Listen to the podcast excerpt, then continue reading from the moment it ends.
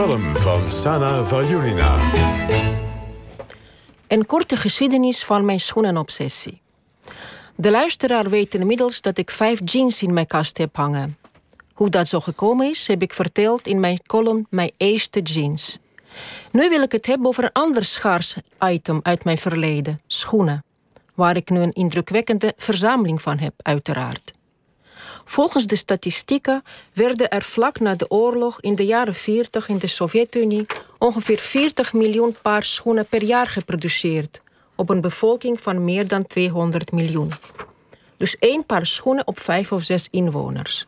Later, in mijn verleden, waren schoenen en vooral goede schoenen nog altijd een even begeerlijk als schaars goed, bijna net als Amerikaanse jeans. Alleen, zonder die jeans kun je leven, vraag niet hoe terwijl het leven zonder schoenen natuurlijk ondenkbaar is.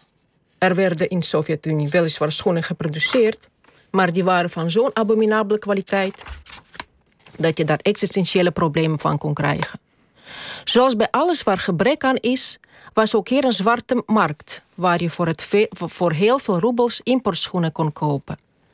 En soms werden ook in een staatswinkel importschoenen uitgegooid, dat wil zeggen te koop aangeboden met dit onvertaalbare idioom, wat hebben ze vandaag daar en daar uitgegooid, zijn hele generaties Russen opgegroeid.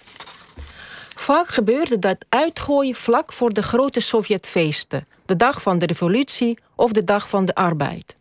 Dat werkwoord dekte ook helemaal de lading van wat daarop volgde, namelijk een hele lange rij die al dan niet chaotisch verliep. Zodra zo'n rij zich voor een winkel vormde, sloten alle passerende vrouwen zich aan. Had je zelf toevallig geen schoenen nodig, dan kocht je ze voor je zuster, moeder, dochter, buurvrouw, collega. Iedereen kende de schoenmaten van iedereen. Joegoslavische schoenen genoten de hoogste status, want Joegoslavië werd beschouwd als een bijna kapitalistisch land en iedereen wist hoe kapitalistischer, hoe beter de kwaliteit. Toch heeft de Sovjet-schoenenindustrie ook enkele onvervaste klassieken geproduceerd zoals een kort viltlaarsje met een ritsluiting in het midden. In de volksmond genaamd Adieu, mijn jeugd. Hoewel je met die Adieu, mijn jeugd aan je voeten geen enkele kans meer maakte bij het andere geslacht, vervullen ze ons thans met tederheid en nostalgie. Ach, mijn immense schoeneloze Sovjetland. En het was ooit zo veelbelovend begonnen.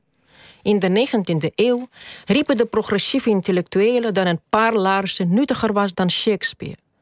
Ze hadden hier wel een punt. In Rusland bestond 80% van de bevolking uit boeren die op basschoenen liepen en in de winter op, op viltlaarzen. Sommige althans, want ook dat was een luxe. Een decennia lang verhit intellectueel debat volgde met Dostoevsky en andere grote geesten. De materialisten zegevierden uiteindelijk met de revolutie van 1917 als gevolg. Daarna brak helaas geen schoenenvalhallen aan, maar een hel op aarde, waar men zich grotere zorgen over zijn kop moest maken dan over zijn schoenen. En zoveel is de paradox van de geschiedenis. Geen wonder dus dat na de val van het socialisme vooral de schoenenwinkels als paddenstoelen uit de grond schoten. Men had heel veel schoenen nodig om dit collectieve trauma te helen.